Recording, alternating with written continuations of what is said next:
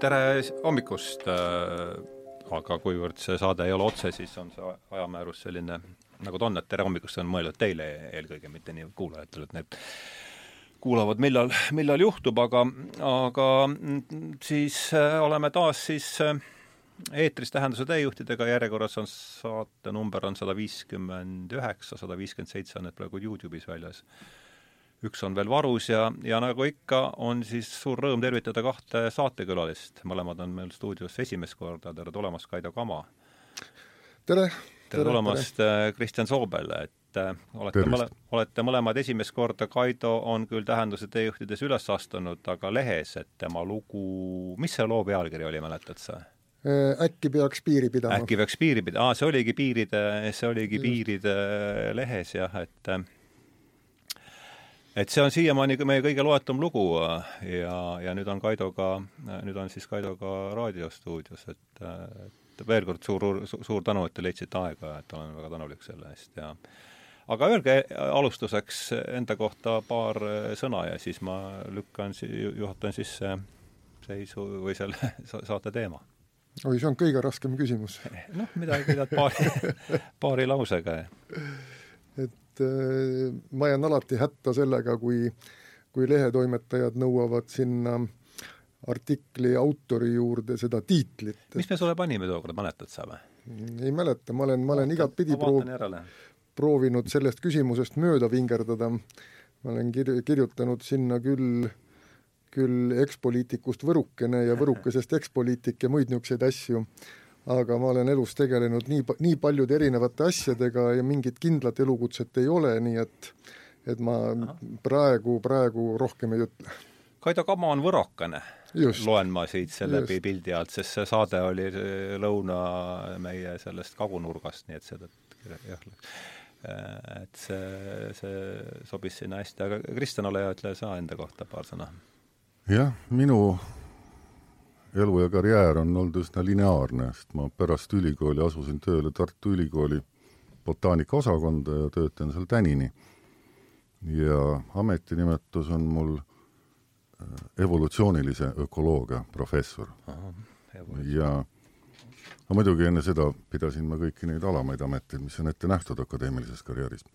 aga jah, ühe töökoha peal sitsinud ja üle kolmekümne aastaga ökoloogia üldkursust lugenud esimese Aha. kursuse tudengitele. ja, ja see sunnib inimest õpikuid lugema mida tavaliselt teadlased ei viitsi teha mm. -hmm ja, ja seetõttu ma arvan, et mul on mõnevõrra panoraamsem vaade ökoloogia ainest kui, kui mõnel kolleegil, aga see on lihtsalt olude sunnil, kuna ma pean, pean lapseohtu tudengitele ökoloogia kõige põhilisemaid tõdesid õpetama. sissejuhatav kursus on ju ülioluline, eks see paneb üldse loodan, mingi jah. kaardi ja. paika, millest üldse jutt käib. oo oh jaa, ja eelkõige nagu meie auline professor Juri Lotman on kunagi öelnud, on, on haridus defineeritav tegelikult kui võime lugeda keerulisi tekste. Mhm. ja see on hariduse piisav definitsioon, ütles Juri Lotman, vähemalt mina olen kuulnud teda seda sõnades ütlema, ma ei tea, kas ta seda ka kirjutanud on kuhugi. ja nii see minu arust ongi ja, ja see algteadusõpe, see ongi peamiselt keeleõpe mm. -hmm sest sa pead äh, saama selgeks need terminid ja, ja taustad, millega noh, mida ajust võtta selleks, et keerulist teksti lugeda. nii, aga ma juhatan siis sisse saate teema, kaamerat meil täna siin ei ole, pole seda äh, kuhugi näidata, aga, aga meid on äh, käesoleval juhul siis kokku toonud üks raamat ja selleks on siis Kristjani kirjutatud ökoloogia võhikutele. tunnistan ausalt, et päris kaanest kaaneni ma teda läbida, lugeda ei jõudnud, aga nii palju, kui ma temaga tutvusin, tekkis mul äratundmine või paralleel oma esimese äh, kaante vahele jõudnud trükisega, mis oli ta kaks, kaks tuhat viisteist, majanduslik inimene ja poliitiline loom, kus ma võtsin ka niimoodi ajatelje ja hakkasin siis seda mööda minema, aeg ja, ja, ja tähtsamad teemad, mm, siis äh, majandusõpetuses või ja mina alustasin siis äh, kuuenda sajandi künniselt äh, Kreekas Soloni reformidega ja jõudsin siis läbi Rooma ja ja, ja, ja, ja siis keskaja ja ja Elizabethi Inglismaa välja eurosüsteemi kriisini.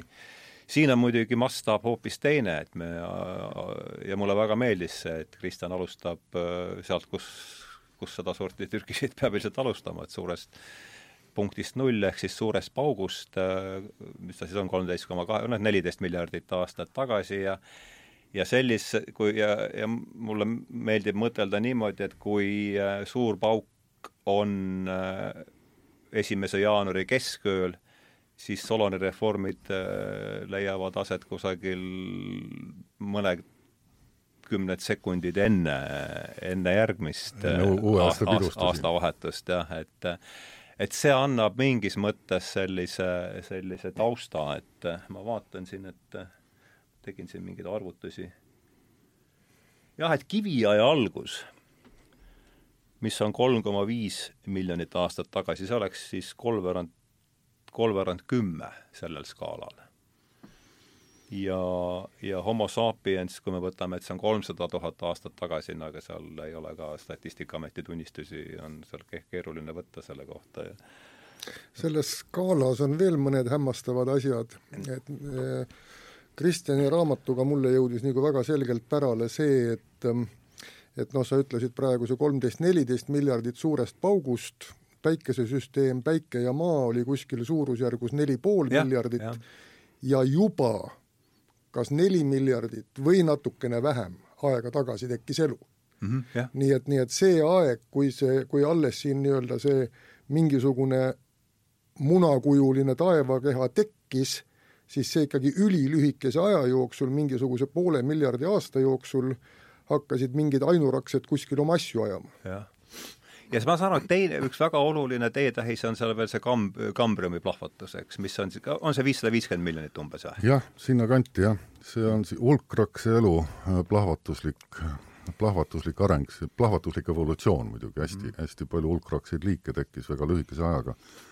sest ennem seda oli, oli maailm ikka üsna, üsna igav äh, sinivetikad peamiselt ja keegi neid alguses õieti süüagi ei osanud.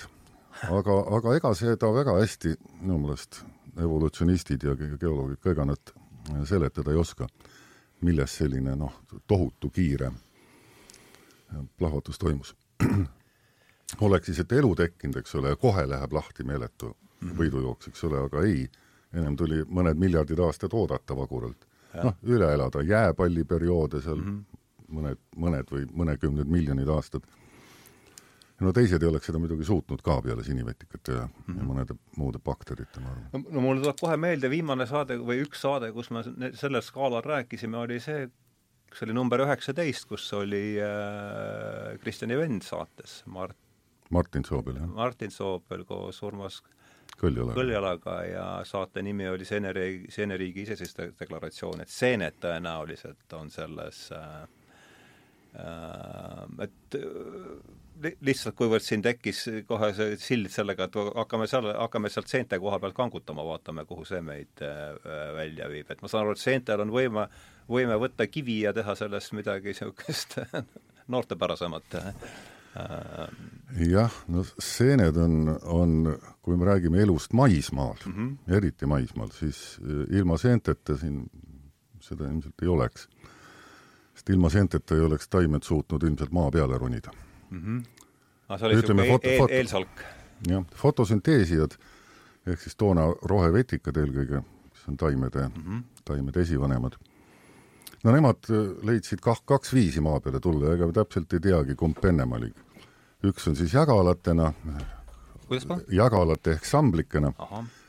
ma, samblik on, on äh, ametlik, ametlik sõna, see on kompleksorganism, mis koosneb siis seenest ja tema niitide, seeneniitide vahel elavast äh, vetikast. jah, just nimelt, täpselt see jah, jah, jah. ja, ja sellise seene, seene kodu sees suutsid fotosünteesijad maismaal vastu pidada, sest seeneniidid, kui nad, kui nad märjaks saavad, siis hoiavad kaua vett kinni ja vetikad ei kuiva läbi mm. -hmm. ja teine meetod oli siis see, et, et, et seened hakkasid koostööd tegema taimejuurtega mm. -hmm. ehk siis enam, enam-vähem nii, et, et see mingi vetikamatt või noh, niisugune peaaegu juba taime moodi asi selle juured koos seentega ilmselt olid vees mm -hmm. ookeanis ja, ja said sealt seene kaudu siis ookeanist toitu, sest maa peal oli paljas kalju. ja samas needsamad seened eritavad ka samblike seened kui ka, kui ka kõik muud, eritavad igasuguseid huvitavaid kemikaale, mis murendavad üsna ja. hästi seda kivi- ja mullateke on ka suuresti ikkagi tänu seentele toimunud nii et ilma seenteta poleks jah, taimed maa peale saanud. aga, aga seente teke, millal, kuhu see meil läheb umbes? ma ei tea. seda peaks Urmas Kõljala käest küsima. ma, ma lihtsalt ei tea, nad no ilmselt väga kaugele mm. -hmm. aga, aga ma arvan, et on mingid ajad, kus ei ole veel enam võimalik öelda, kes on, kes on seen ja kes ei ole seen mm. -hmm. Sest et, et see, keda me nimetame tänapäeval taimedeks, noh, need olid ka mingisugused tegelased, eks ole, kes lihtsalt neelasid vetika alla aga ei mhm. seedinud seda ära ja nii tekkis taim, eks ole, koos oma fotosünteesi organiga. see organ, mida nad alla neelasid, oli sinivetikas ja nad ilmselt tahtsid seda seedida, aga juhtus nii, et ei seedinud. ja see jäi nende sisse elama, aga nüüd see karkass, mis neid sinivetikaid tänini edasi kannab, mida me nimetame taimeks mm, -hmm see karkass, ma arvan, et ta oli, oli ühine eellane seentega, tähendab, et seened on siis need, kes oma sisse ei neelanud, nendest arenenud, kes mm. seda vetikat sisse ei tähendab, see, kes see ära sai, selle seti-, vetika ära sai, see sai siis ligipääsu selle fotosünteesi tehnoloogiale? just nimelt, fotosüntaatidele. ta äh, sai suhkruvabriku omale kehasse Aha. ja siis ta ei pidanud ise enam kedagi neelama, sest ori töötas ja huvitaval kombel see protsess käib pidevalt edasi. et, et neid, neid juhtumeid on hiljemgi olnud, kus üks ori on, on seedimata jäänud. aga, aga see ilmselt toimus üks kord, see primaarne endosümbioosi akt, kus, kus sinivetikas hakkas kellegi sees noh, tööliseks Kaido, mis äh, seened. kui ütelda seen jah, et mis on esimene pilt, mis sul äh, lööb ette? no esimene pilt on muidugi sügisel noaga, noaga Just. metsas käia, aga kui nüüd äh, Kristjani raamatu ja selle jutu peale mõelda, mida me siin praegu räägime, siis et minul tuleb niisugune natukene filosoofilisem mõtteidu siia juurde, et Kristjan rääkis meile praegu seene koostööst taimedega et see toimub tegelikult äh, tänase päevani valdava enamuse taimeliikide puhul toimub see toitainete omastamine, toimub seente abiga. mis on seal juurte küljes, eks? just, see mükoriisa on selle mm -hmm. asja nimi või eesti keeles seenjuur mm. -hmm. ja, ja selle asja nimi on siis äh, sümbioos.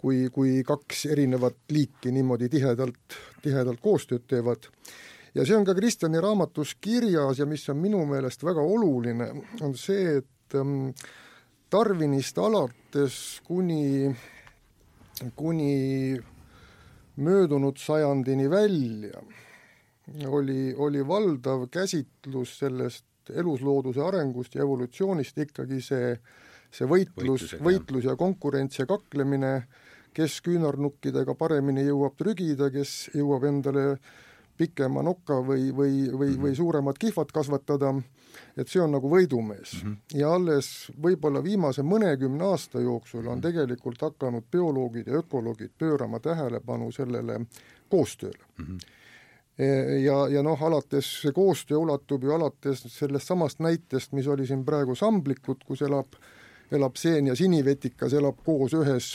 liitorganismis nii-ütelda, siis see jõuab ju meieni välja, noh, meie kõik me kolmekesi, kes me siin laua taga istume, me ei oleks suutelised toitu seedima, kui meie soolestikus ei elaks müriaad kõikvõimalikke baktereid, kes aitavad meil seda teha mm. -hmm. meie elame tänu nendele bakteritele, need bakterid elavad tänu meiele, see on mm -hmm. vastas, vastastikku kasulik koostöö mm, -hmm. Kristjani raamatus on selle asja kohta öeldud win-win, on ju, et võit mm, -hmm. võit-võit situatsioon. et see tegelikult on on, kui me räägime ka tänapäeva globaalprobleemidest või millest iganes, on see niisugune uks, mis tuleks nagu alles avada veel. et kogu, kogu see asi ei, ei seisne küünarnukkidega trügimises, vaid, vaid suur osa meie sellest maailmast, mida me tunneme ja, ja kogu meie elurikkusel, elurikkusest põhineb hoopistükkis vastastikku kasu, kasulikul koostööl. see tuletab mulle meelde meie kolmas leht, mis oli jah, kolmandas lehes oli intervjuu Merlin Sheldrake'iga, kes on kirjutanud raamatu Entangled Life või Läbi põimunud elu ja selle loo intervjuu pealkiri oli, et me oleme kõndivad ökosüsteemid, et et noh, just seesama, mis sa, mis sa, mis sa noh, otsene side sellega, mis sa just äsja rääkisid. see on väga, väga õige ja väga hästi öeldud, ma ei olegi nii ja. seda kuulnud, aga, aga see on täiesti õige hmm.. mina, no mõtleme ainult mõne numbri peale. meie, no inimese keha pinnal, minu ja sinu keha pinnal elab, elab baktereid pidevalt, meile kasulikke. umbes sama palju, nagu meil on oma kehas rak-, rakke hmm., umbes sama palju. sooltorus on neid seal kümme, paarteist, võib-olla viisteist korda rohkem kui meie oma keharakke. kui meil oma keharakke, jah. aga kumbad me siis oleme? kas me oleme äh, äh, bakteriseltskond, kellel on tank, millega, kus saab rahulikult elada, soomus on ümber mm -hmm. ja, ja luugist antakse toitu ka kogu aeg mm, -hmm. eks ole, ja sõidame ringi ja, ja avastame uusi maid, leiame mõne tühja tanki, siis asustame selle ära. ja, ja me, ma ei ole sugugi kindel, kui võrra meie oleme need, kes me arvame ennast olevat, me võime olla needsamad tankid, itsitavad bakterid kõhus ringi, juhivad paremate toidupalade poole ja mo-, molekulaarbioloogidest ja, ja, ja rakubioloogidest tuttavad väidavad ka, et, et näiteks see, mida see inimene süüa eelistab, mis sulle maitseb, mis ei maitse, see ei ole sinu enda määratud, see on, see on sinu sooltoru mikrobiomi otsus no eeldab üldse, et see sina on kuidagi määratletud. no vot, kus see sina siis on? mina tahan Napoleoni kooki süüa, no ei ole, tema tahab. või miks me köhime, kui me haiged oleme? sellepärast me tahame köhida või? ei, sellepärast et meie patogeenne bakter tahab levida mm. -hmm. Ja see on tema kohastumus, panna meid köhima või kõhu lahti teha, et ta saaks sealt välja teisi nakatama, nii et et see vaba tahe on, on, on selle liikuva ökosüsteemi puhul ökoloogi jaoks juba üsna kahtlane mõiste mm. -hmm noh, köhimine on veel lihtne näide, aga aga mõtleme näiteks niisuguse haiguse peale, mis on, on ähm, Eestis praegu nüüd praktiliselt ära kaotatud, see on loomade marutõbi, on ju mm, -hmm. Et mis iganes viirus või bakter seal on, mina seda praegu viirus, viirushaigus vi,. viirushaigus, jah. marutõbi on viirus, jah ja,? et, et ühesõnaga see viirus paneb siis looma või ka inimese käituma niimoodi, et ta läheb peas segi, hakkab teisi hammustama selleks, et see viirus saaks levida mm. -hmm. see on just nimelt selle viiruse tahe. see on viiruse kohastumus, jah ja.? et rebane muutub üks usaldavaks, rumalaks, tuleb sulle õue, tahab pai saada ja siis lööb sulle hambad kätte. see on, ükski nakatumata rebane nii ei tee. No see on väga tavaline jah, et, et, et need, kes tahavad vaheperemehest päris peremehed jõuda, need, need mingisugused patogeensed ja seda, viirused või need, et need, need teevad lolliks ja uimaseks näiteks seda looma, ei tee ainult ja... viirused ja bakterid, minu teada on ka seened olemas, kes sedasama asja teevad, et ja, en, enda levitamiseks ajavad oma selle peremeesorganismi peas segi, noh. jah, igasugu parasiitidel on, on väga ka, suuri kavalusi, jah aga mm, kuivõrd raamat tõi meid kokku, et räägiks siis sellest ka, et ma sinuga äh, põhjus, et te siin äh, kahekesi koos olete, neid on tõenäoliselt, tõenäoliselt mitu, aga üks äh, minu jaoks võib-olla kõige määravam on see, et et Kaido, sa oled ju ühe, vähemalt ühe peatüki kaasautor ja, ja ma saan aru, et et su roll selles raamatus ei, ei, ei piirdunud vist ainult sellega või? Et räägime raamatu sünniloost natuke rohkem, et ma saan aru, et see vist oli, see oli jutt oli enne seda, kui mikrofon sisse läks, aga et, et kui sa, kui sa, Kristjan, ütlesid seda, et et sa oled lugenud sissejuhatavat kursust ökoloogiasse, siis see oli minu jaoks kohe, et ahah, see on väga oluline, oluline koht selle raamatu jaa, aga, aga nii imelik, kui see ka ei ole, on Kaido selle raamatu toimetaja kaasautorina ah, on, on ja Kaido on selle raamatu toimetaja, jah ja,. et ma ütleks, et, et tema roll oli muidugi seal tihtipeale määrav selle raamatu ilme, ilme kujunemisel, aga veidral kombel on selle raamatu üks algpõhjus ja on ka, peitub tegelikult Kaidos kuidagimoodi. Ja see oli seitsmekümnendate aastate lõpul, kui ma ütlen, meie olime nagu lapseohtu noored tudengid, Kaido oli paar aastat vanem aga erines teistest omavanustest seetõttu, et ta üldiselt mõtles maailma asjadele ja tal oli väga kindlalt välja kujunenud maailmavaade ja ka mingi eetikakoodeks. ja, ja tema alati ühistes õllelaudades, kui läks jutt filosoofile, poliitikale, millegi sellisele, ütles, et maailma parandamine peab algama iseendast, et teistmoodi see välja ei tule, et teisi parandada ei ole võimalik ka ise. ja, ja, ja, ja seega kuna Nõukogude ajal ise, aus iseolemine oli, oli no selleks olid võimelised ainult väga tugevad isiksused, mina ei olnud näiteks, siis Kaido ka poliitiliselt pahandustesse sattus pärast seda, aga see jäi mulle kuidagi meelde. Ja kui nüüd igasugu metsajamad, ökoloogia möödarääkimised, rohepöörded peale hakkasid ja Kaido hakkas seda toimetama, siis ma, ma vist tegin Kaidole sellise ettepaneku, et maailma parandamine hakkab iseendast. ei, ma ma ei mäleta täpselt, aga, aga igatahes, et ma pean midagi tegema. no mida ma oskan, midagi muud ma ei oska. siis hakkasin kirjutama nupukesi või samu üldökoloogilisi nupukesi ja, ja Kaido oli lahkesti nõus neid ka avaldama. Võib-olla sul on kuidagi teistmoodi meeles, aga, aga, aga Kaido on see algpõhjus mulle olnud, miks see raamat lõpuks ka sündis, sest nendest Postimehe kolumnitest see raamat alg-, alguse sai. -hmm jah, et see oli siis ajast nüüd juba neli aastat tagasi, kui ma, kui ma olin Postimehe ajakirjanik ja toimetasin keskkonna külge. Ja tegelikult, eh, Kristjan, sa ise pakkusid seda, sa, sa helistasid mulle ja ütlesid, et kas niisugune asi sulle sobib ja mina arvasin, et sobib küll ja siis seal ilmus niisugune päris jupp aega üks niisugune veerg, mille pealkiri oli Maailm ja mõnda, mis seal sees leida on mm. -hmm ja, ja kui see ring hakkas nagu peale saama, siis iseenesest kasvas sellest ka välja mõte, et noh, peaks nagu raamatu tegema. Aga mul on selle raamatu tegemisega veel omal niisugused ilusad ja toredad mälestused, et see oli juba ammu otsustatud, et tuleb raamat ja, ja, ja, ja, ja toimetame ja anname välja ja avaldame ja vahepeal see asi nagu seisis, siis läks jälle mürinal edasi, aga minu suurem osa sellest raamatu toimetamisest toimus äh, Äh, purjelaeva admiral Bellinghausen pardal. See oli siis, kui me kaks aastat tagasi jäime selle Bellinghauseniga Vaiksel ookeanil koroonalõksu. Ja, ja laevareederid andsid käsu laev koju tagasi tuua.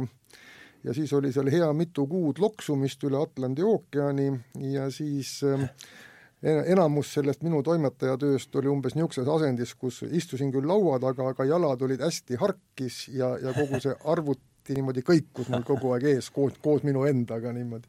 et mulle, mul on nagu, nagu seostub selle raamatuga praegu see, ka see, ka see meresõit, jah.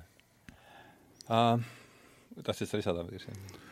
ei, võib-olla seda, et, et, et jah, Kaido on ka tagasihoidlik inimene, aga mina, mina arvan, et, et, et noh, Kaido nimi võiks seal kaane peal koos minu nimega tõesti vabalt olla, sest et selle raamatu ideoloogia ja, ja ka see kuidagi see sisuline tase on lõppude lõpuks ikkagi Kaido määratud ja ja ta kraapis välja asjad, millest ta aru ei saanud ja käskis juurde kirjutada selgitusi, kui midagi oli liiga krüptiline mm. -hmm nii et, et kui ma oleks seda üksi teinud, oleks sealt tulnud mingi hoopis muu asi välja. et ära, ära mind nüüd üle kiida, mina ei teinud muud, kui esitasin lolle küsimusi lihtsalt, millele, millele õnnetu professori härra pidi vastama. nojah, aga see on toimetaja töö, eks ole, et äh,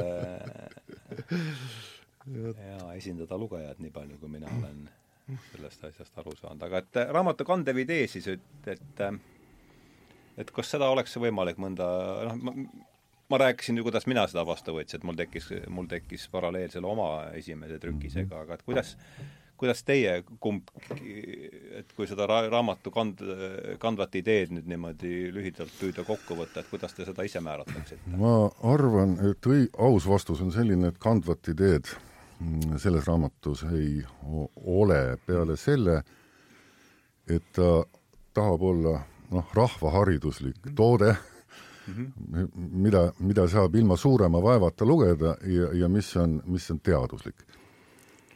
ja, ja ausalt öeldes, kui ma neid kolumneid Postimehele kirjutasin, siis ma võtsin oma ürgvana selle ökoloogia loengu noh, paberlehtedel konspekti välja, mis on suur patakas, ja siis mõtlesin, et no viiskümmend tükki teen ikka ära mm. -hmm. jagasin ta noh, umbes panin mingid paberikesed vahele, no umbes vii-, viiekümneks osaks, nii et kaheks ja uuesti kaheks ja uuesti kaheks mm. -hmm. ja siis igast sellest lõigust võtsin peamise teema, mis sinna sattus.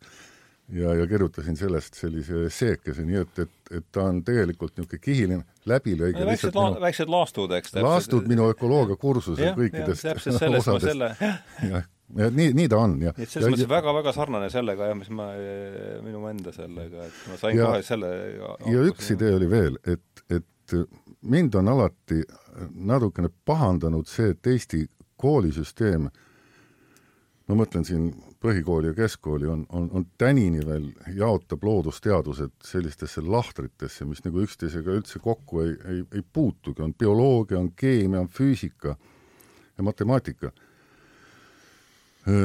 Anglo-Ameerika maades on, on ammu sellest loovutud ja on selline aine nagu science, teadus ja, ja, ja see hõlmab kõike ja ma proovisin olla seal nii nii-öelda science'lik või, või, või loodusteaduslik, mitte kitsalt bioloogiline. ja sellepärast ma palusin ka seal füüsikuid appi mm. -hmm. auline Peeter Tenjas on sinna ja mitu, mitu tükki kirjutanud, et no vähemalt selle füüsikalise maailmaga kuidagi, kuna, kuna evolutsioon on ka nii suur ja pikk asi ja selle taustal on tegelikult noh, tohutu, tohutu tähtsad ja pikaajalised ka füüsikalised protsessid, siis kuidagimoodi kokku kõlaks, nii et teine asi oli proovida koondada sellist, ta ei oleks nüüd bioloogia puhtalt, vaid ta oleks loodusteadus või mm -hmm. teadus mm. -hmm. laiem vaade ühesõnaga ja tervik, terviklikum no seda raamatut saab väga hästi lugeda ka üksikute peatükkide ja. kaupa, et seda ei pea võtma nüüd ja. nii, et esimeselt leheküljelt alustan ja viimaselt lõpetan. Et võib-olla minu jaoks natukene subjektiivselt on selle raamatu väärtus nagu eelkõige selles, et et tohutu hea on vahepeal oma igapäeva siblimistest, toimetamistest, äh, nendest pseudomuredest, millega me iga päev tegeleme, vaadata nagu suurt pilti mm. -hmm. kuidas, kuidas Kristjan seal kirjutab, et äh, et see maailm, kus me elame, on sinivetikate maailm ja nende otsustest sõltub meie tulevik. Et, et needsamad sinivetikad, kelle allaneelamisest siin natukene aega tagasi jutt oli, elavad ju oma DNA-ga nendes äh, fotosünteesiga tegelevates taimedes edasi ja tänu nendele taimedele oleme meie söönud, et mm -hmm. ilma, ilma selle fotosünteesita ei, ei, ei oleks elu taolisel kujul, nagu praegu me näeme, seda poleks olemas. et seda suurt pilti ja suurt tausta e, tasub endale vahepeal mhm. meelde tuletada või või milles siis noh, ütleme, lähme veel ajas tagasi, milles seisneb siis päristuumsete edukus. päristuumsed olid esimesed, kes õppisid oma oma, oma naabreid sööma all, alla neelama, alla neelama, alla neelama ja seedima mm. -hmm. et, et seda ei osanud ei, ei, ei bakterid, ei kes see teine seltskond, need, need arhed on ju, need, need ka ei osanud. ei oska tänini. jah, et sellest võib ka siis noh, nagu tuletada meie seda natukene vägivaldset loomust ja kõike muud taolist mm. -hmm. et, et selli-, sellised suured pildid meie igapäeva siblimiste kõrvale mõjuvad väga, väga nii-öelda kainestavalt ja, ja, ja mõtlemapanevalt. just nimelt, et see, et, et Homeros kirjutas äh, kakskümmend kolm viiskümmend üheksa oma, oma, oma teose, eks see on äh, just. päris äh, tõesti kainestav, kainestav. aga mul jäi üks asi siit kõrva sellest seni kuuldust, et on toimumas pööre, Kaido mainis seda, et et Darwini see olelusvõitluse ja loodusliku valik, see, see, mis mis seda rõhutas ja et nüüd on kusagil paarkümmend aastat noh, Spencer tõi selle, eks, ta isegi ei tea, kumb seal eespool oli, Spencer lõhutas seda asja, seda ühiskondlikku poolt, et see võit, võitlus ja, ja konkurents ja kõik, et nüüd et nüüd on rohkem ökoloogias, võib-olla ökoloogia ise rõhutab juba sellist ähm, sümbiootilisemat aspekti, et et et millal see pööre toimus, mis on selle sellised äh, kuhu me selle võiks ajaliselt paigutada, äh, mis on selle peamised tunnused ja ja võib-olla ongi jah, see, see, see küsimus, mida võiks siis nüüd niimoodi jah, ehkki härra Tarvinile on äh,, ei tohi liiga teha, sest minu teada Tarvin ise näiteks äh, terminit olelusvõitlus või struggle for existence või ka see survival of the fittest välja ei öelnud. aga küll on jah, loodusliku valiku kui evolutsiooni noh, kriitiliselt tähtsa evolutsiooni mehhanismi kohta oli ta esimene, kes midagi põhjapanevat ütles. aga hilisemad tegijad on sinna muidugi väga palju juurde lisanud, mida, mida ka Darwinile omistatakse. aga kahtlemata see olelusvõitlus, just see sõna võitlus oli toona noh, meemina tohutult tähtis. Kõik peavad tohutult võitlema ja, ja, ja see oli ka üks põhjus, miks varases ökoloogias esimene asi, mida hakati ülipõhjalikult uurima ja millele arvati kõik ökosüsteemid püstiseisvat nii-öelda või juhtmehhanismiks peeti konkurentsi mm. -hmm. ehk siis võitlust või võistlust äh, ressursside pärast või, või siis kas otsene võitlus või siis läbi ka ressursside ammutamise, noh, sa võid tiigi tühjaks juua niimoodi, et, et, et teine on teisel tiigi kaldal, eks ole, aga sina jood kogu vee ära, sul on pikem kael mm -hmm. näiteks või midagi sellist ja, ja kogu, ütleme, eelmise sajandi keskpaigas ja veel viiekümnendatel, kuuekümnendatel, isegi seitsmekümnendatel oli konkurents, oli, oli no pooled ökoloogia, või kooslusökoloogia artiklid olid umbes konkurentsist mm.. ja see oli kõik nagu, pidi konkurents ära seletama. Aga see pööre hakkaski kuskil eel, eelmise sajandi kaheksakümnendate alguses, ma arvan, kus see teadusse jõudis et see võit-võit olukord on evolutsioonis tõenäoliselt palju olulisem äh, tegija või, või, või evolutsiooni mehhanism olnud äh, igasugune koostöö kuni sümbioosini välja. sümbioos on noh, eriti tihe ja intiimne pikk koostöö. Aga koostööd on ka igasugust muud, põllumajandus on ka koostöö. Näiteks lehma ja inimese vahel. aga, aga see, see, et et, et läbi, läbi just sümbioosi ja mitte ainult sümbioosi, läbi üldse mutualismi või siis vastastiku kasu printsiibil toimuv evolutsioon, et, et, et see on tegelikult palju huvitavamaid, suuremaid ja tähtsamaid läbimurdeid tekitanud kui, kui seesama võitlus mm. -hmm. sest et sümbioosiga tihtipeale saab võitlusest lahti mm. -hmm. eks ole, need bakterid, kes meie sees elavad, Need, need omavahel seal muidugi kätsivad, eks ole, aga nad on rahumeeli tankis ja neile antakse süüa. ja meie oleme ka rahul, sest me saame taimi seedida mm. -hmm. ilma bakteriteta me ei saaks tselluloosist ju jagu, meil ei ole tselluloosi lagundavat ensüümi. tselluloos on ainult eeltuumsetel ehk siis prokaryootsetel organismidel miskipärast ja meile pole, pole see evolutsioonis, meil pole vaja olnud, meil on alati bakterid kõhus olnud mm. -hmm ja, ja see, et, et see pluss-pluss või siis win-win on, on äh, kõikide oluliste evolutsiooniliste läbimurrete taga. olgu see siis, või see, et me õppisime noh, hapnikuga elama, see on ka võit-võit olukord. See oli see kõige esimene tähtis allaneelamine. kui, kui alla neelati keegi, keegi bakter kes, kes äh, suutis, suutis äh, oksidatiivselt hingata ehk hap-, hapniku, hapniku hingamist.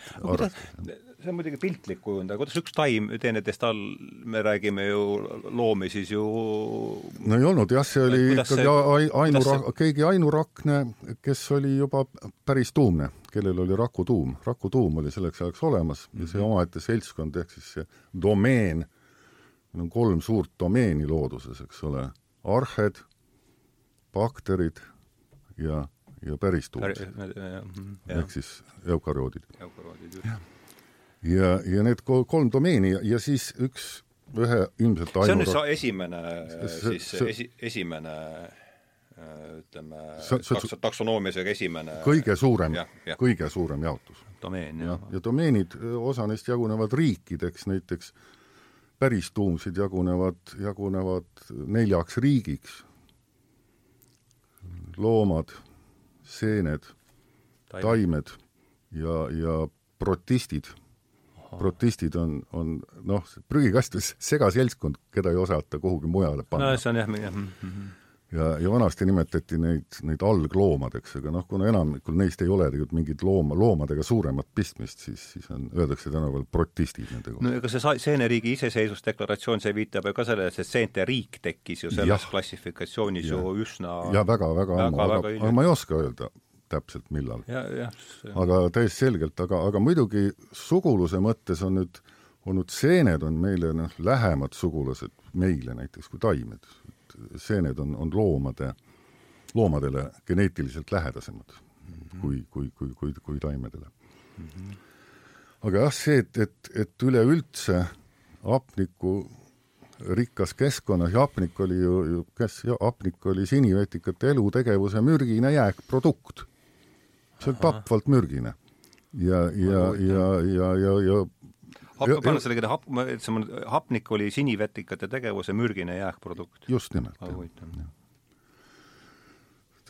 jah, hapnik sinivetikate tegevuse tõttu ilmselt maa, paneks sinna, paneks sinna natuke värvi juurde sellele lausele, et see tundub niisugune äh, no kõige varasemat elu me kujutame ette üsna, üsna ma ütlen igavana. tõenäoliselt olid fotosünteesivõimelised sinivetikad, kes tegid ära noh, pea suurema osa produktsioonist. aga nende laipu ei osanud ega suutnud keegi noh, piisavas koguses ära süüa. et suurem osa neist laipadest jäid lihtsalt merepõhja vedelema no neist on tänapäevaks saanud, neist laipadest on saanud strateegilised toorained nimega maagaas ja nafta sini, sinivetikate laibad mm. -hmm. ja, ja see nende fotosünteesi käigust toidetud hapnik jäi seetõttu üle. no tänapäeval, kui söödaks sinivetikad ära ja, ja sellega hapnik seotakse uuesti süsihappegaasiks, no süsiniku külge tagasi, eks ole, et hapnikku ei jää üle. aga toona jäi kõik see üle ja kuhjus ja kuhjus see mürk. Ja olid siis esimesed bakterid, kes, kes suutsid oksüdatiivselt hinnata, hingata, ehk siis hapniku manulusel hingata. selle hapnik oli, oli, oli siis see mida meiegi oma arust praegu hingame, tegelikult hingavad seda meie rakkudes elavad bakterid, keda nimetatakse mitokondriteks mm. -hmm. ja see oli see kõige esimene allaneelamine, kõige õnnestunum allaneelamine, tekkis mitokonder ja tekkis siis oksüdatiivne hingamine, raku hingamine, nagu me seda tänapäeval teeme. ja ilma nende mitokondriteta oma rakkude sees me seda ka loomulikult ei suudaks. me sureks hapniku, hapniku kätte kohe ära aga sama küsimus sulle, Kaido, et, et see, ma saan aru nüüd Kristjani jutust, et ökoloogiline pööre toi-, või pööreökoloogias toimus kusagil tuhande üheksasaja kaheksakümnendatel aastatel, et see üleminek sealt nullsumma mängult võit võidu poole, et ähm, ma noppisin selle sinu jutust enne üles, et kuidas, kuidas sina seda näed, seda, et kes, mis nimed või, või mida, mis on sellised, kui me räägime pöördest, et no mis on sellised märgilised no ma segaks vahele, et see pööre ei ole õige sõna, see on ikkagi sujuv olnud. noh, see on umbes nii, et mida rohkem uurida mm, -hmm. seda rohkem tuleb välja, et et see võit-võit olukord või, või koostöösituatsioonis on evolutsioonilistes läbimurretes tähtsam. nojah, eks ta on midagi triivi, triivilaadsemat rohkem vist Triiv, küll, jah. aga et mis ikkagi, et mis seal, kes on võib-olla tähtsamad nimed või et ikkagi midagi sinna natuke rohkem sellest eh, sinna. Neid tähtsamaid nimesid oskab eh, kindlasti Kristjan minust oluliselt eh, paremini nimetada, et aga, aga minu jaoks seostub see kuidagi meie meie globaalprobleemidega ja mm, -hmm. ja, ja, ja inimese rolliga nende, nende probleemide tekkes ja ja, ja nende probleemide lahendamisel, ja nüüd seesama, see, see konkurentsi ja, ja, ja koostöö vahekord. et ähm, mul on tunne, et niisuguse noh, ühiskondliku loomana ja, ja ja oma, oma filosoofiaga inimene ju ühelt poolt ta ju teeb täpselt seda, mida, mida emakene loodus on, on kõigil teha käskinud. see tähendab, et, et trügida ja, ja haarata kõige paremini ja kõige kiiremini kõige magusam suutäis mm. -hmm. et selle, sellel ju kogu, kogu see konkurentsimäng nagu nagu, nagu töötab ja nüüd ainukene, mis on juhtunud, et inimene on olnud selle, selle trügimise eh, ja, ja, ja, ja jooksmise ja haaramise eh, kõikide nende tegemistega nii edukas võrreldes teiste liikidega, et muidu on nüüd noh, käib ju, looduses käib asi niimoodi, et kui keegi muutub liiga edukaks, siis tuleb kohe kuskilt tasakaalumehhanism. -hmm. kas seda vohavat seltskonda hakkavad sööma kõrgemad kiskjad või, või, või, või tulevad neile mingid parasiidid, haigused, viirused, igal juhul see vohamine võetakse kiiresti kontrolli all mm. -hmm. siis inimene on praegu nendest tasakaalumehhanismidest nagu suures osas väljunud, et noh, kiskjaloomad meid praktiliselt ei söö enam ja, ja me oleme ise kiskjad. ja nende, nende viirustega on kah asi kehvakene siin vahepeal nagu isegi paistis päikesekiir selle, selle Covidi ja koroonaga aga see, see, see tegelane jääb ka vist lahjaks, et, et, et kuidagi, kuidagi inimese arvukust, äh, arvukust kontrollida. ja aga inimene hoolimata sellest, et ta on nüüd sellest tasakaalumehhanismist nagu väljunud, käitub ikkagi samal põhimõttel võimalikult palju, võimalikult kiiresti ja, ja, ja, ja teiste eest ära mm. -hmm. et seda, seda käitumist ei ole inimene siiamaani muutnud ja võib-olla nüüd ongi see võti selles, millest me siin äsja rääkisime, et kui veel kuni kaheksakümnendateni eh, tublid teadlased ei osanud sellele koostöö ja, ja mutualismi eh, aspektile piisavalt tähelepanu pöörata, siis, siis äkki on just nüüd selles lahendus, et, et me peame nagu nüüd ükskord aru saama, et enam, me ei pea enam küün-, küünarnukkidega trügima me oleme teistest liikidest, kes meiega noh, nii-öelda konkureerivad sama ressursi peale, me oleme niivõrd väljaspool konkurentsi kõigi teistega, et otsime hoopis koostöövõimalusi mm. -hmm. jah, täiesti nõus, aga aga siin tulevad nüüd mängu mõned asjaolud, mis, mis teevad selle noh, mind üpris pessimistlikuks. selle, selle kohta, et ku, kui võrra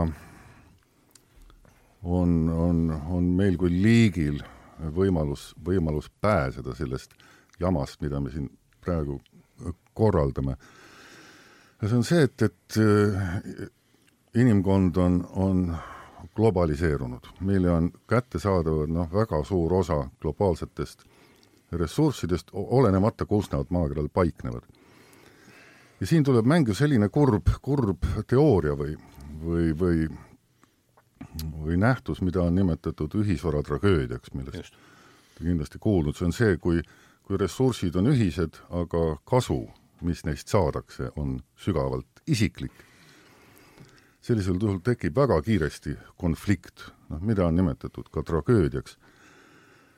ja, ja algselt, algselt see võeti termin kasutusele ülekarjatatud lambakarjamaade oleks Inglismaal, eks ole, kus kõik lambad olid juba peaaegu näljas, rohtu ei kasvanud, oli, aga siis ikka oli kasulik, kui keegi sai ühe lamba juurde, siis ta viis ühiskarjamaale. Sest et noh, kahju lahjenes kõikide lammaste peale, kõikide omanikude peale, sest konkreetsest lambast saadud vill jäi ikkagi omanikule. ja, ja see, see tragöödia ei ole kuhugi kadunud, ainult on kogu aeg laienenud, praegu on nafta ja gaasi või muude, ütleme, fossiilsete kütustega on ju täpselt sama, eks ole Nad on tegelikult meie inimkonna ühised ressursid, aga sinivetikate pärand, nagu me äsja kuulsime. sinivetikate pärand, aga meile kõigile, aga kasu saavad sellest need, kelle juhtumisi, kelle riigi alla need maardlad on juhtunud, eks ole, või, või mitte juhtumisi, vaid kes on need näiteks ära vallutanud. Ennem teiste käest. Ja no tõesti, naftašeikidel ei ole mingeid teeneid absoluutselt selle nafta, nafta tekkimiseks, selle ega Norra kuningaperel või riigikorporatsioonidel ka mitte. Aga kasu läheb siiski sinna sellest, eks ju, et, et see on, see on sisse kirjutatud konflikt. ja, ja kui me, kui me vaatame tulevikustsenaariumi, siis ega, ega näiteks Hardin või kes selle, kes selle äh, essee kirjutas, ega tema oli ka pessimistlik, ta arvas, et läheb jamaks, noh, jaa, ta oli täiesti pessimistlik. sest ainuke võimalus, mida tema näeb, oleks maailmakorda muuta mm -hmm.. noh, üks, ühe valitsemise alla maakera panna, mis, mis loomulikult iga praeguse aja inimese noh, arvates see on täielik utoopia, eks ole, täielik utoopia. sest et, et no ei kujuta ette, kuidas me nende naftašeikidega ühise valitsemise alla hakkame elama, eks ole no, aga kuidas seda Buffetit juhtima hakatakse? aga Hardin ei anna mingeid muid väljapääse, no ja ega mina ka ei tea. ma arvan, et, et jama on, ühisvara tragöödias on, on väga tõsine, tõsine asi. ja loomulikult evolutsioonilises mõttes on kõikidest suurtest jamadest ikkagi koostööga üle saadud, mitte, mitte nullsumma mänguga. Et noh, et, et kes nüüd kogu nafta endale saab, et siis ongi jõle hästi. kui ma saan kogu maailma nafta endale, et siis ma olengi õnnelik ja see on mure murtud. ei ole, ainsad püsivad stabiilsed lahendused põhinevad looduses koostööl mm. -hmm.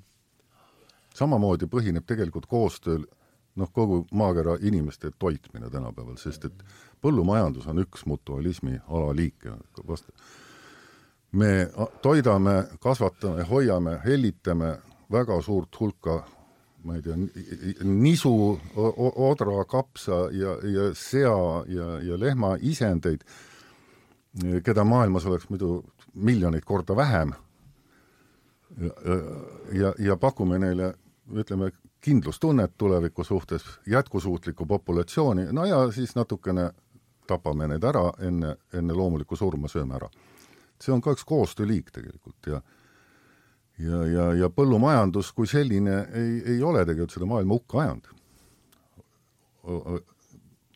hukka, hukka ajab maailma ikka pigem nullsummamäng ressurssidele, mis on piiratud.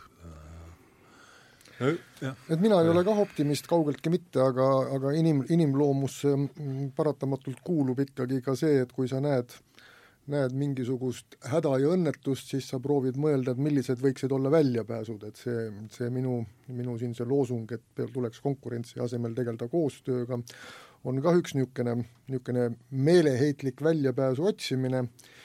E,, aga lihtsalt nüüd veel Kristjani jutu täienduseks või üks väike repliik siia juurde, et, et kui me nüüd veel kord mõtleme nendele nendele sinivetikatele, kes on meile kinkinud need fossiilsed kütused siis millel tegelikult äh, see inimkonna tohutu edulugu põhineb no. see inimkonna tohutu edulugu, mis on siis toimunud viimase saja-paarisaja aastaga, see, see, see põhineb sellel, kui me oleme noh, nii-öelda väljunud sellest samast noh mm, -hmm lo-, loodusliku tasakaalu mehhanismide alt ja kõige muu alt, see on toimunud ainult sellele, et me õppisime ära oleme enda arvates väljunud sealt. õppisime ära jutumärkides sööma fossiilseid kütuseid, kütuseid, mida ükski teine liik teha ei suuda. voolima naftast ühesõnaga, me pistame praegu nahka mõnesaja aastaga selle, mida mhm. sinivetikad ja, ja, ja päikeseenergia abil tootsid meile miljoneid ja miljoneid mm -hmm.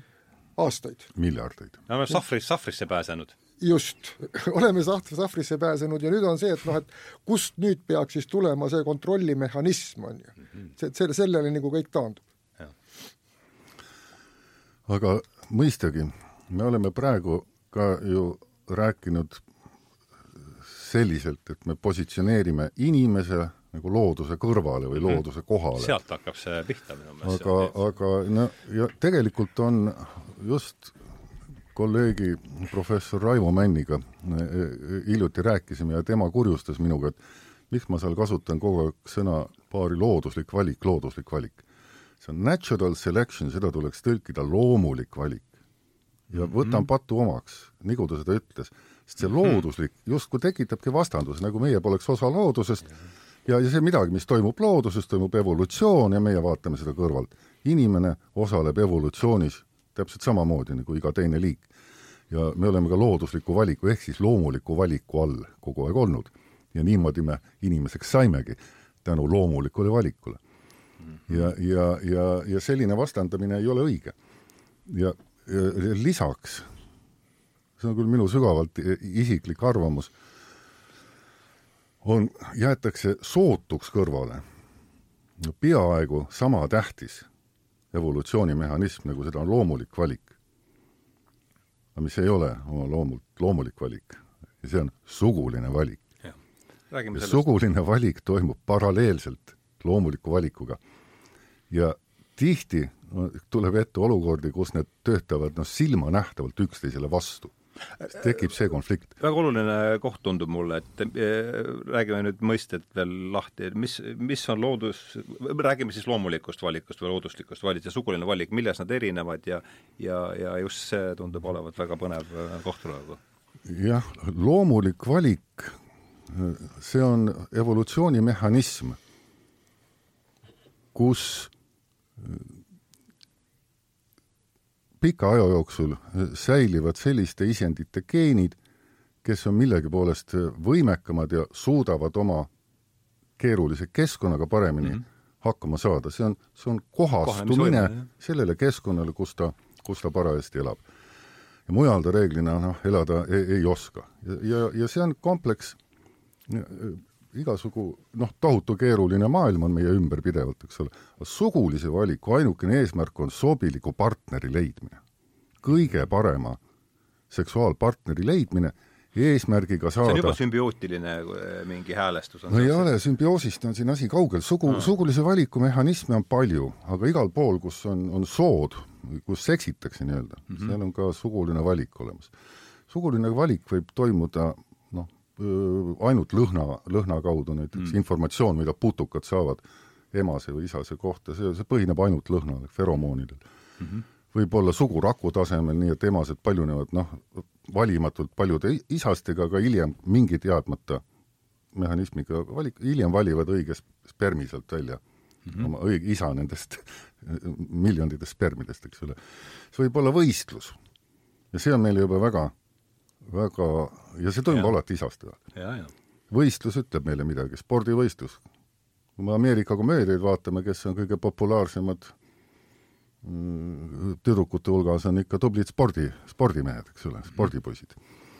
see on see, ega sporti mehed ei pingutaks nii hirmsasti, kui naised pealt ei vaataks mm. -hmm. ja suguline valik on ja, ja ka võitlus, otsene võitlus.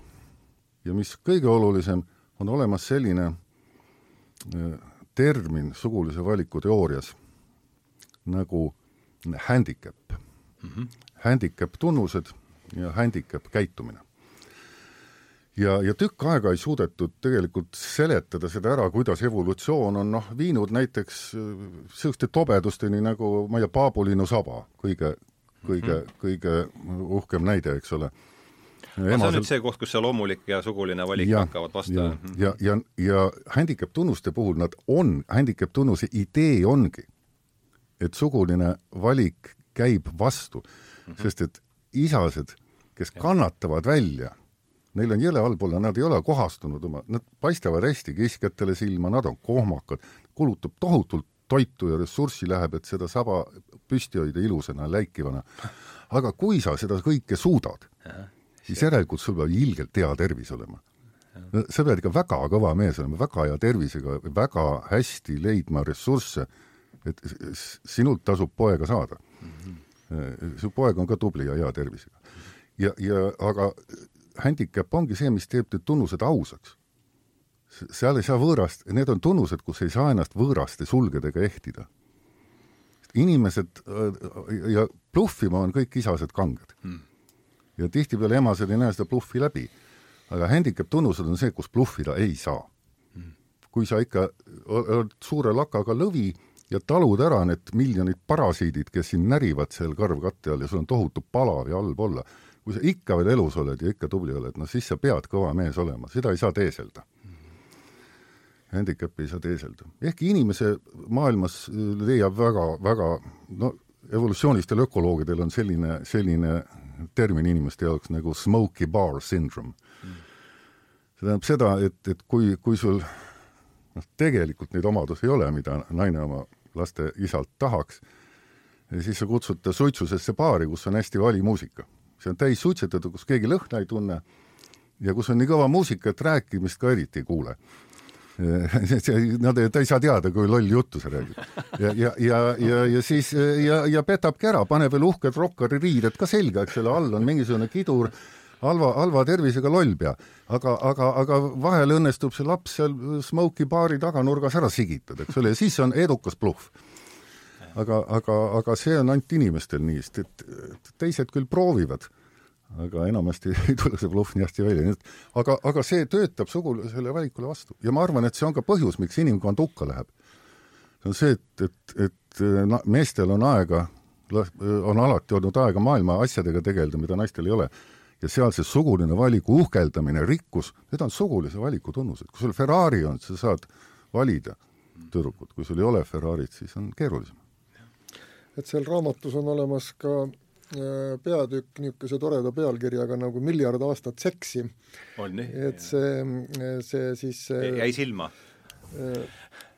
leiutati siis tõepoolest umbes miljard aastat tagasi see, et, et leiutaja on teada? ei, me ei, ei tunne isiklikult, aga, aga et pooldumise ja pungumise asemel Aha. siis, siis tekitati niisugune geenivahetus eri, eri organismide vahel. pungumine, aa, pooldumine ja pungumine? jah mm. -hmm. no need olid jah, mitte, mittesugulised mitte, mittesugulised ja mittesuguline paljunemine taimede hulgas on ka tänase päevani ju väga levinud, nii et aga, aga noh, seal on eh, igasuguseid eh, toredaid, toredaid näiteid ja toredaid jutte, eh, minule meeldis seal noh, mulle meeldib seal palju, aga üks koht, mis praegu meelde tuleb, on see, kuidas siis mm, Kristjan seletab ära, et et seesama nagu, nagu, nagu praegu oli jutt, et võitlevad alati isased, üks, ükskõik millisele tasemele, mil-, mil-, milliste eluslooduse rühmade juurde me ei lähe, on ju niimoodi, ja, ja et see tuleneb ikkagi väga üheselt sellest põhimõttest, et sugurakke on lõputult palju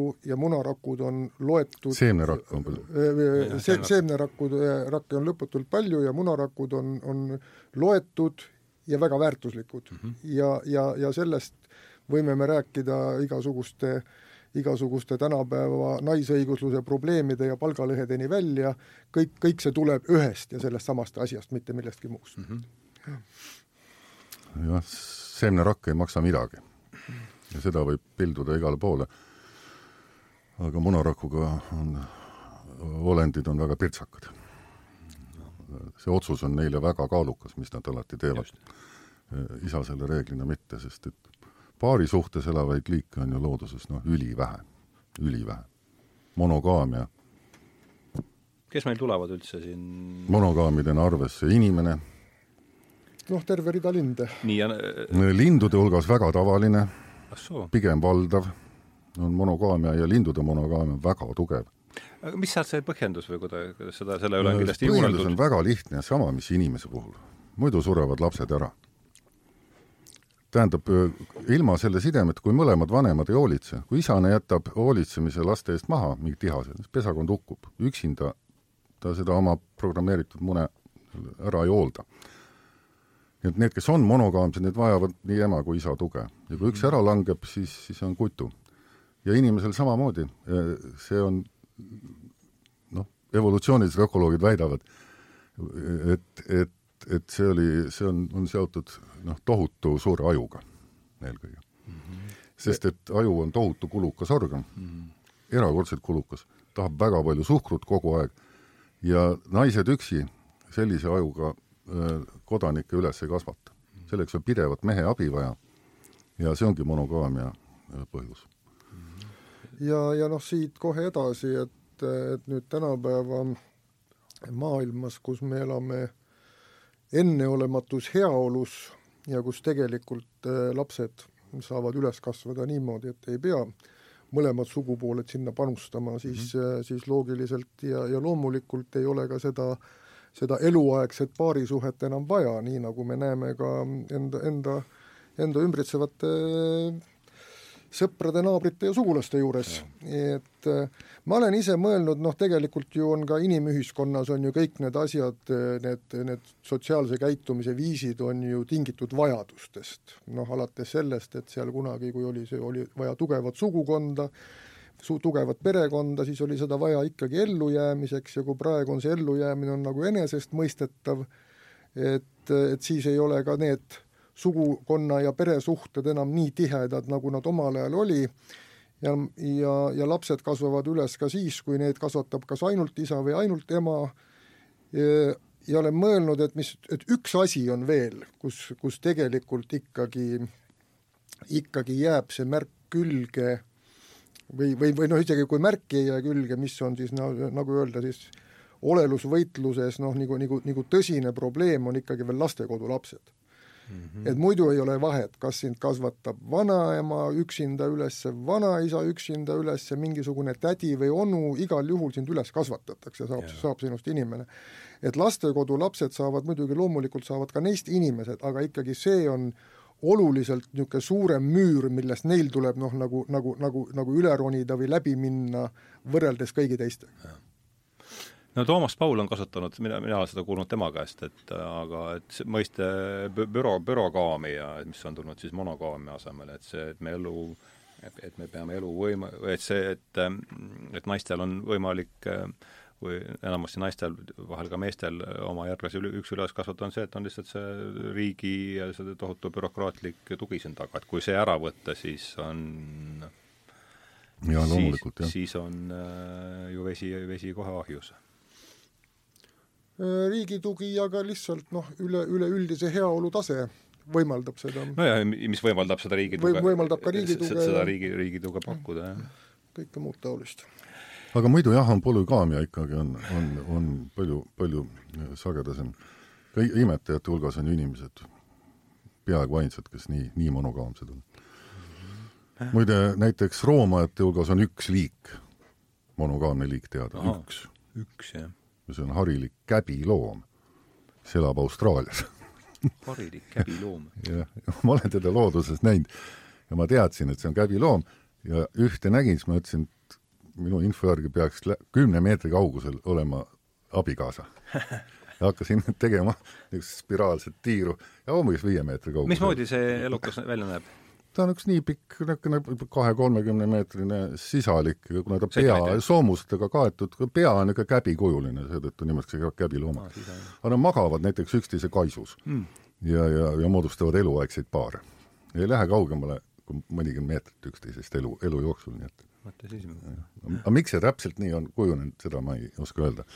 aga lihtsalt see on näitena, kui harv võib kuskil loomarühmas olla, ma arvan no meil on, täna me peame natuke varem lõpetama, et siin on paarkümmend minutit, noh, kuskil pool tundi maks on siin veel jäänud koos olla, et peab hakkama mõtlema, kuidas seda jutuajamist tõmmata kokku, et meil siin seetest rääg-, no tuli teine saade meelde, kus Martin Soobel käis ja seal ta käis siis, see oli viies saade, Ülo Niinemetsaga ja, ja, ja saate nimi oli Mitmekesisuse mitu mõõdet Mhm. ja mind on, ja mind reaalselt see huvitab, see lugu, et kui me nüüd paneme AK, AK või päevauudiseid sisse või ükskõik millise kroonu, kroonujoru me kuulame, et seal on see mitmekesisus on ette ja taha ja küll see on oluline ja ja ka siis äh, me näeme alati, siis me näeme seda, et, et kui läheb ökoloogiaks, sest siin on meil see Excel, et süsinik on kõige taga ja siis kaob see mitmekesisuse jutt üldse ära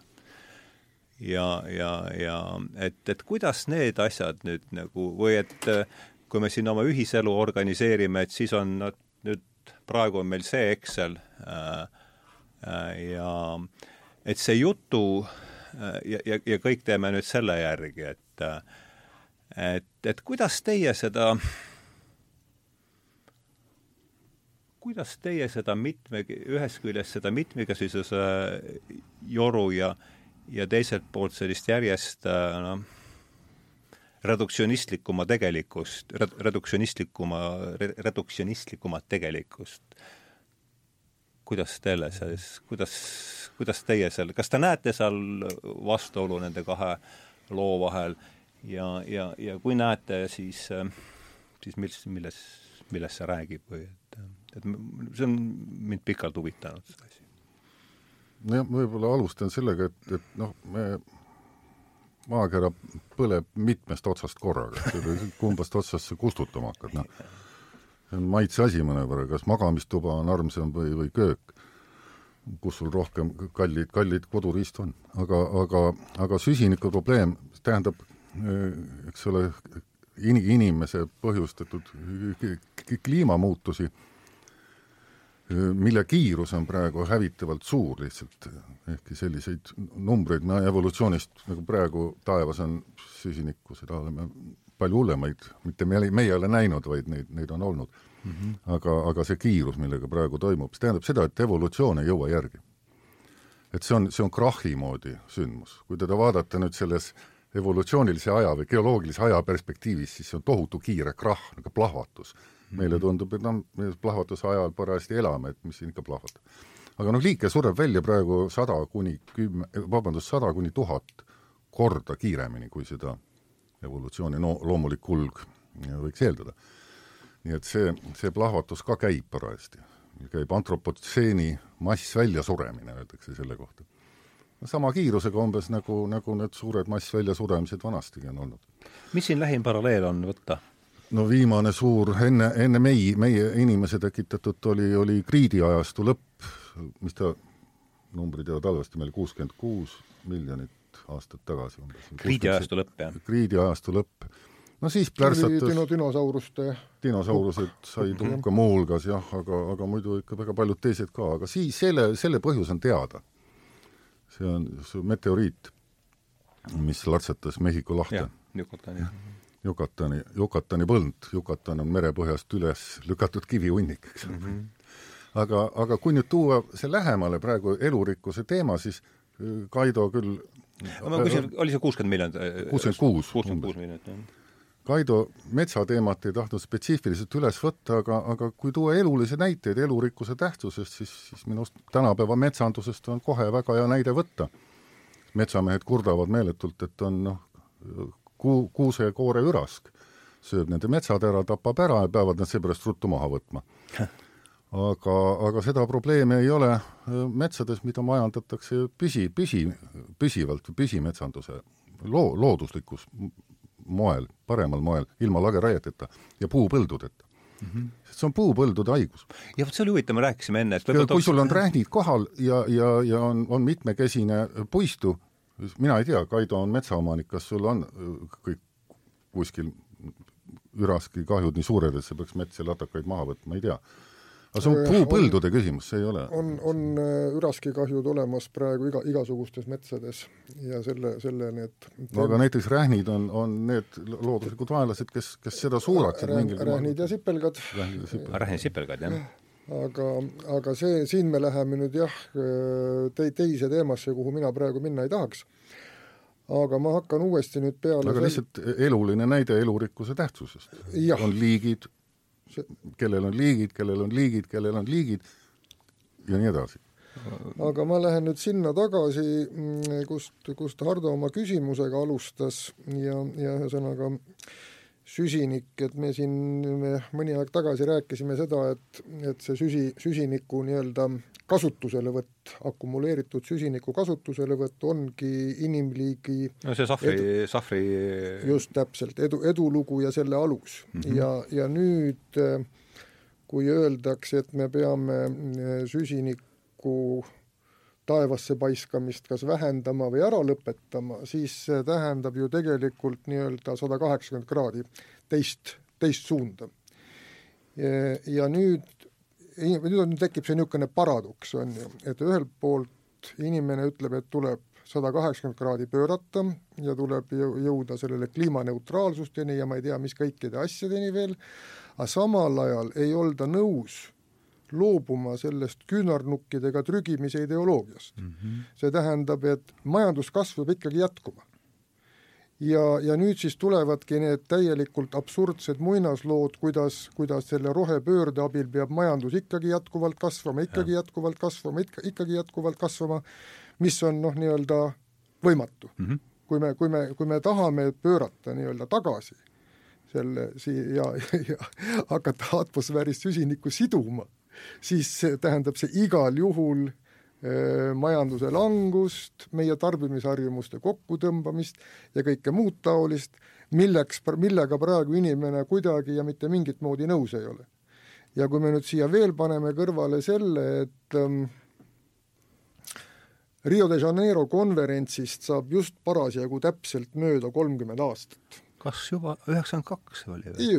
oli küll jah, vot ma mäletan. Arnold Rüütel käis seal üheksakümne teisel aastal. ja, ja, ja, ja, ja siis võeti ka vastu ju maailma esimene kliimakonventsioon kolmkümmend aastat tagasi, vahepeal on on tekitatud igasugused Kyotod ja, ja, ja süsinikukvoodi kaubandused ja kui me vaatame seda, mida mõõdetakse Hawaii saarel Mauna Loa vaatlusjaamas, siis süsiniku äh, kontsentratsioon atmosfääris on kasvanud nende kolmekümne aasta jooksul täiesti ühtlase sirge tõusuna.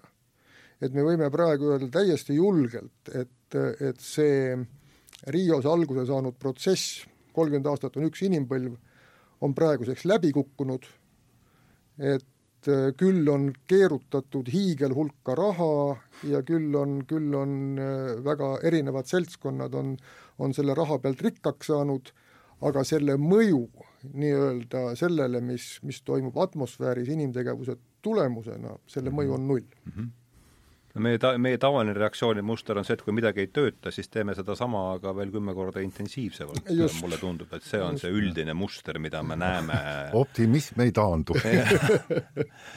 Jaa, et äh, et noh, see kõik viib minu, eks meil kõigil on mingid autorid, keda me siin, aga noh, minu, mõtlemist ütle, selle üldse nendes loodusteemadel on kõige rohkem vist kõige viimasel ajal mõjutanud seesama Charles Eisenstein, kelle, kelle raamat nüüd tuleb, ta tuli küll siin Swedbanki sarjas juba välja, nüüd ta tuleb ka meie värvides, et tema seisukoht on see, et kogu see süsinikukaubandus ja kõik see see kasvab välja samast hoiakust, mis on need probleemid üldse kõigepealt tekitanud, see on niisugune, see on see mõtlemine, et, et me võime teha seda, mis meil parajasti pähe tuleb, et kui kui puu ei, et kui puuüsi ei seo süsinikku, siis teeme tolmuime ja, ja kui kellelgi õnnestub veel näidata, et et tolmuimeja on tõhusam süsiniku, süsiniku sidumisel kui puu, et siis noh, siis paneme aga tolmuimejatele hagu alla, et noh, see tundub ju mis noh, siin, siin me jõuame nüüd ikkagi paratamatult, kuhu ma, kuhu ma jõuda ei tahtnud, ühesõnaga, et jõuame, jõuame metsani välja, et noh, kõige absurdsemad minu jaoks on need Need, need tublid inimesed, kes siis propageerivad, et, et tuleb rohkem metsi raiuda selleks, et, et, et võidelda kliimaprobleemidega just nagu, just nagu kliimaprobleemid oleksid tekkinud ähm, sellest, et, et vähe metsa raiuti. Et, et selle kohta on ka olemas Kristjani raamatus mõned ilusad lõigud, mis mulle väga meeldivad, mälu järgi tsiteerin praegu, on, on siis äh, Kristjanil öeldud umbes niimoodi, et et et ei, ei, ei maksa muretseda, et kui me näeme lageraie tühjust, siis me võime olla kindlad, et see metsatäis süsinikku on taevas, mitte kuskil mujal. Jah, kui ta ei ole juurtega maakeeles kinnistatud taevas, jah. see vähene, et sul, ütleme, aga ehitame maju, vaata need paneme püsivalt paika, kaua üks puumaja kestab, saja aasta pärast ikka võetakse maha, eks. See on köömes, eks ole, sada aastat ette-taha aga, aga, aga jah, metsa raiumine õilsal eesmärgil kliimat parandada on sügavalt naeruväärne. see on ju lausa jabur, eks ole, et see tuletab, tuleb, ma ei tea, mul tuleb meelde, viimasel ajal tuleb pikker järjest rohkem ja rohkem meelde, nii et, et no eks see võtame see... metsa maha, et siis me saame panna noorametsa kasvama, see hakkab jube hästi süsinikku siduma. selle saha, sama, mis me just taevasse viskasime. kas teil tuleb meelde Padavere uudised või? no eks see RMK reklaamikampaania, kus oli see Harvesteri mees, oli kliimakangelane, eks see ongi niisugune pikri taseme asi no, täiesti, täiesti selgelt. see on see, et pada, et par-, parandamaks elanikkonna varustamist toiduainetega, otsustati Padavere saeveski ümber nimetada Padavere lihakombinaadiks ja see on meie ju noh kõladki hea paralleel. no, no on ju noh. ja ikka see, et need sotsialismi viis põhilist vaenlast, rahvusvaheline imperialism ja kevad-suvi sügistalv ja see on, see on no, aga see on nüüd jälle see küsimus, et, et niikaua, kui me praegu murrame edasi nüüd, ähm, nüüd selle vana küünarnukkide tuge, küünarnukkidega trügimise ja, ja, ja, ja, ja konkurentsi loosungi all, siis me võime neid kvoote jääda ostma ja müüma, noh selle, selle, sellest ei muutu mitte midagi, et kui, kui üldse kuskil saab mingi väljapääs olla, veel kord, ma ei ole optimist, et siis, siis oleks, tuleks pigem otsida praegu just seda, neid sümbioosi kohti ja neid kohti, kuidas me saaksime ennast ümbritsevate liikidega, kes meie ümber elavad mm, -hmm. seda, saavutada seda, neid, neid win-win olukordi. no see on seda, mida, mida Charles Eisenstein ütleb, me peame hakkama loodust armastama et siin teist lahendust ju ei olegi, et senikaua me vaatame teda tooraine laona, see saab ju aga muidugi ma olen, mina olen noh, nagu pessimist eelkõige selle võrra, et, et ma ühtepidi ei kujuta ette seda, millest, millest siin Kristjan rääkis, et kogu maailm on nagu ühtse valitsemise all, aga teisipidi ma ei kujuta ka ette, et tänapäeva lääneliku demokraatia tingimustes, kus äh, kus eh, enne iga järgmist valimist lubatakse veel paksem võikiht leiva peale määrida, oleks võimalik siin nagu mingeid muudatusi teha, noh, selles nelja, nelja-viie aasta tsüklis. jah. no eks loomulikult, kui maailma poliitikat vaadata, siis, siis no no a la Donald Trump, kes on noh, tüüpiline nullsumma mängu esindaja, eks ole, et maailmas on lõplik hulk ressurssi, mida rohkem neist Ameerika endale saab, seda parem. Et kui, me otsiksime sealt vastaspoole tegijat, kes oleks siis see võit, võitmängija, no mingil moel Euroopa Liit on püüdnud omavahel vähemalt äh, tekitada olukorra, kus on võit-võit olukord kõigil riikidel, eks ole. aga et seda nüüd kujutada globaalseks, see on küll väga keeruline, väga keeruline, jah aga, aga Kaido mulle kunagi õpetas, et maailma parandamine algab iseendast. Oma seda... vajaduste ja soovide piiramiseta ei jõua mitte kuhugi inimkond edasi sealt jamast, ma arvan. nojah, see ikkagi, see ikkagi no see ja. peab olema iga inimese, see peab kasvatusega tehtud, see, see, see ei laia, ei raiska, ei taha ma ei tea mida no ei ole kuskil välismaal huvitavam tegelikult olla kui Eestis, no tänav, majad, autod, kohvikud. Vaatad ära, tuled tagasi, midagi sa ei võitnud. aga kütust, lennukikütust läks kõvasti üles ja muldmetalle. aga seda, see on kasvatuse küsimus. nagu armastuski, kes on võimeline armastama, kes mitte enne seda saate algust väljas tänava peal rääkisime Kristjaniga ja ma küsisin, et kas ma, kas ma eksin või, või, või kas on olemas niisugune ökoloogiline termin nagu, nagu ökoloogiline lõks, et ma olen nagu justkui kuskilt kuulnud, mis peaks siis kirjeldama niisugust olukorda, kus, ähm, äh, kus äh, üks liik käitub täiesti emakese loodusele poolt ette nähtud mängureeglite järgi trügib küünarnukkidega, teeb seda, teist ja kolmandat ja sellest hoolimata mingil hetkel on ta siis olukorras, kus ta on, kust, kust, kust, kust ei ole nagu väljapääsu.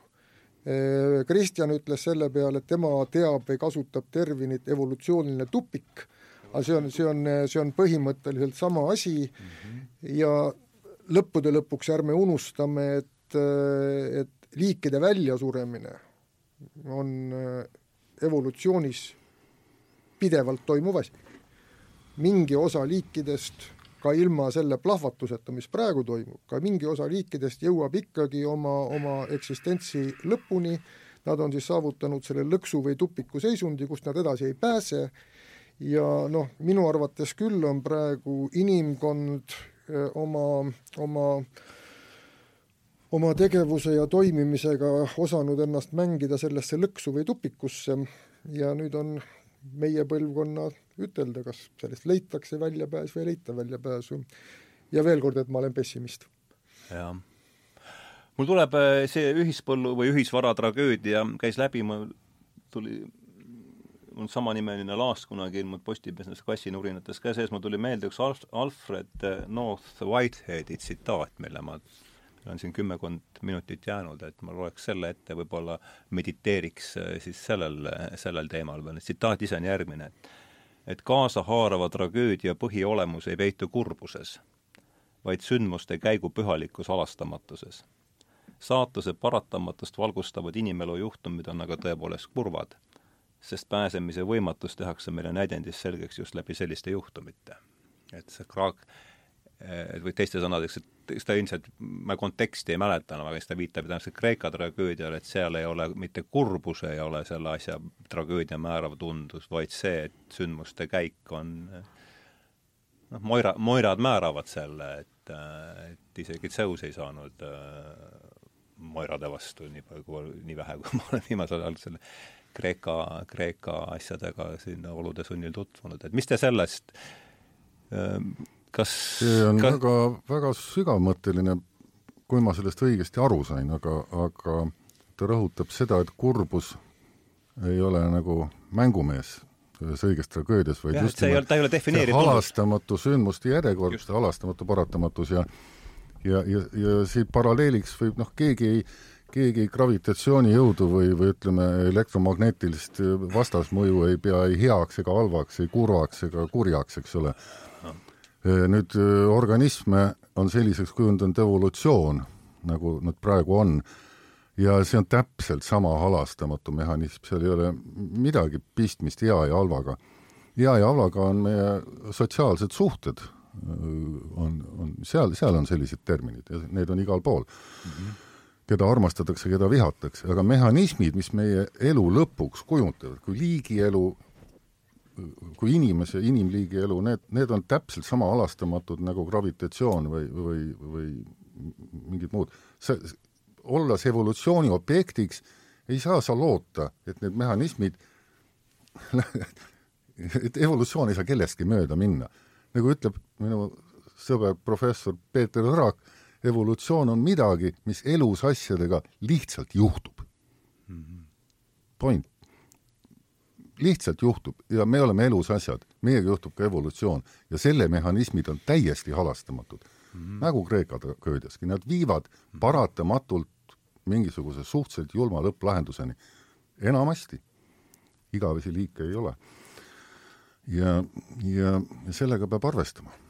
me ei juhi oma elu organismid või liigina, nii nagu me arvame, me, me oleme samamoodi evolutsiooni produktid, evolutsioon kestab, loomulik valik käib edasi mm -hmm. ka inimese kallal.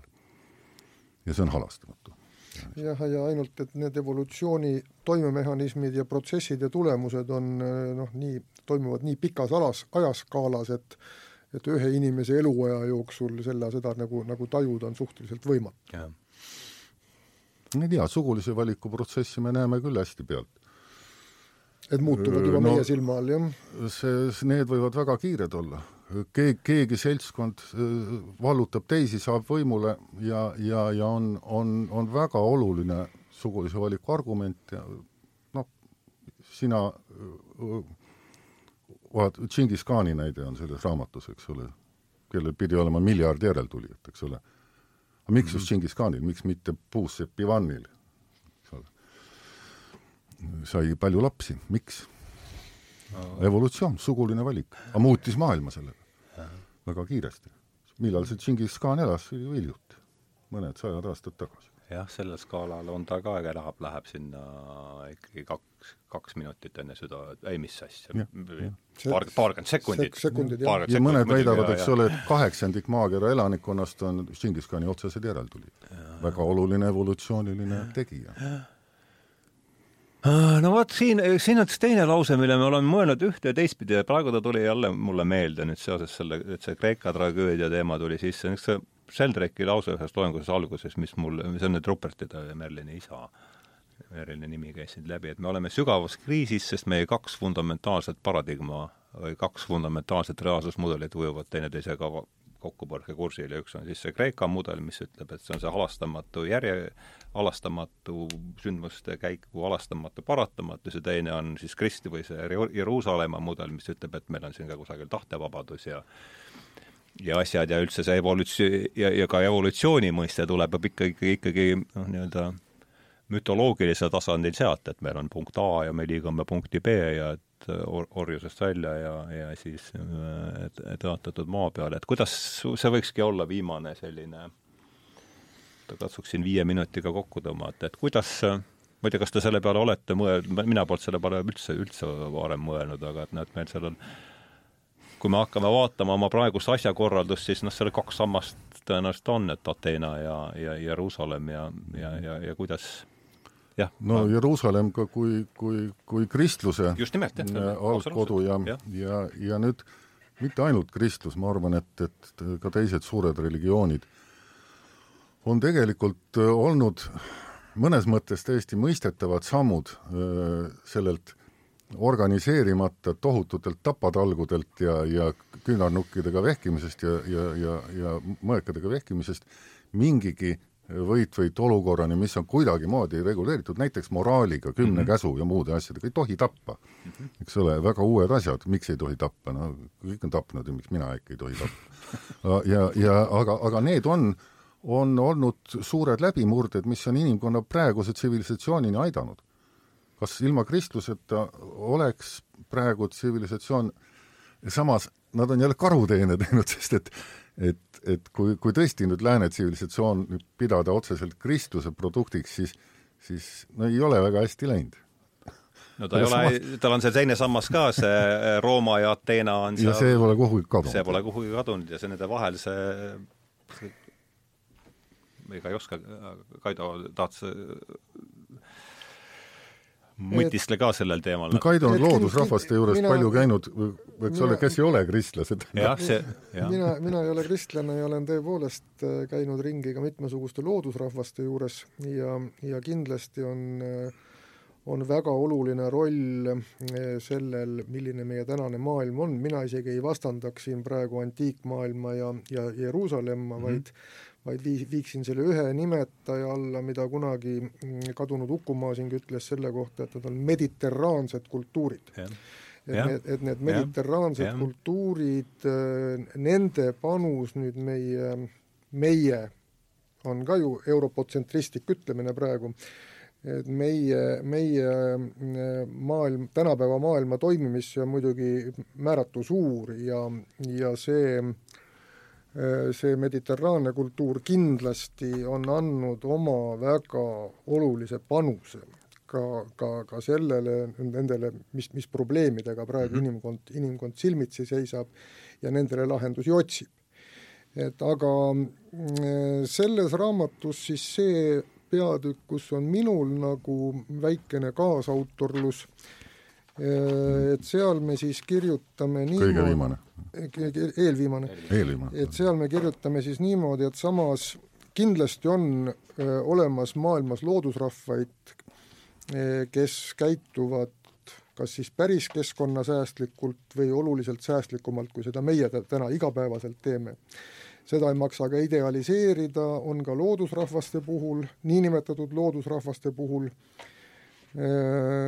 neid, neid keskkonnavaenulikke käitumisi olemas aga mis on nüüd kõige olulisem, on see, et äh, teatud äh, nii-öelda siis see konkurents ja eluvõitlus toimub ka inim, inimühiskonna ja nende inimühiskonna sees ja populatsioonide vahel ja reeglina need sootsiumid, populatsioonid ei ole olnud edukad. Et edukas praegu maailmas on just nimelt see,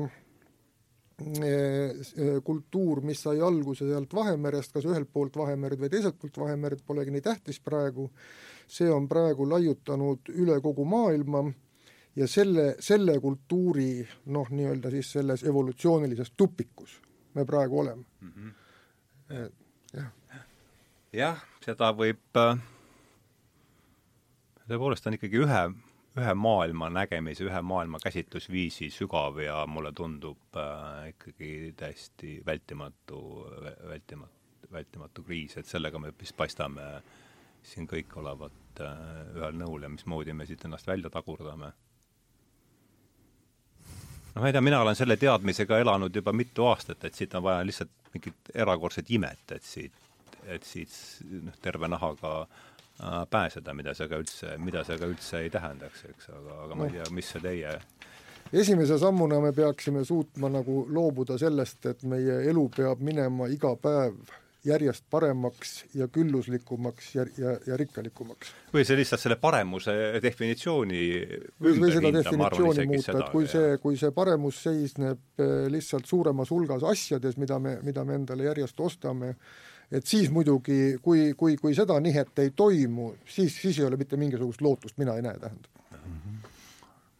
jah, pessimistlikuks juba läks, siis, siis ma näen igasugu võimalusi, kasvatusega saab ju tohutu palju ära teha. kõik need suured meemid või need, eks ole, mida me religioonideks, maailma religioonideks nimetame, need elavad ju kasvatuse peal. ja haridus ja kasvatus. aga on asju, paraku, mida ei saa kasvatada äh, üldse. ja need on sugulise valikuga äh, seonduvad asjad. niikaua, kuni meeste, kuni naised ümber mõtlevad, millised mehed on seksikad, kas Ferrari'ga taskud rahast pungil või äh, ütleme, kirves õlal oma kodumetsa kõmpimas, et aiamaalt asju võtta, eks ole, et, et kuni nende Ferrarisid eelistavad, te, aga sa ei saa sellele pahaks panna. sest need näitavad ressursi valdamist ja, ja, ja neil on vaja, neid ei huvita muud, lapsed peavad olema terved ja üles kasvama jõukas peres hea arstiabiga. ehk et teistpidi oleme seal õpe, õpetage kuidagi naisi mitte, mitte hoolima, mitte seksikaks pidama neid mehi, kes naudivad seal püramiidi tipus seda, seda maailma kurnamist no see on juba tõenäoliselt järgmise saate teema, aga täna meil on äh, on, tule, tuleb praegu tõmmata asjale, asjale joon alla, et äh, suur-suur tänu teile, et leidsite aega tulla saatesse äh,. aitäh äh, Kristjan Soobele, aitäh Kaido Kama, et oli väga huvitav oli vestelda teiega ja, ja, ja tänan ja loodan, et on ka huvitav kuulata ja ja tõmbame siis joone alla ja lahkume veel suuremate sõpradena, kui me enne olimegi, nii et noh, tänan kutsumast! ja, ja aitäh!